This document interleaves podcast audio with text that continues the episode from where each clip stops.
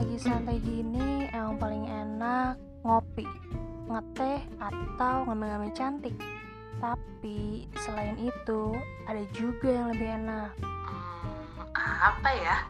Kalau dengerin lagu udah biasa. Yang gak biasa itu dengerin ngobrol kuy. Sedih jatuh cinta. Waduh, uh, sedih. Jangan Sama aku Risma dan aku Riva. Ngobrol kuy yuk bareng kita.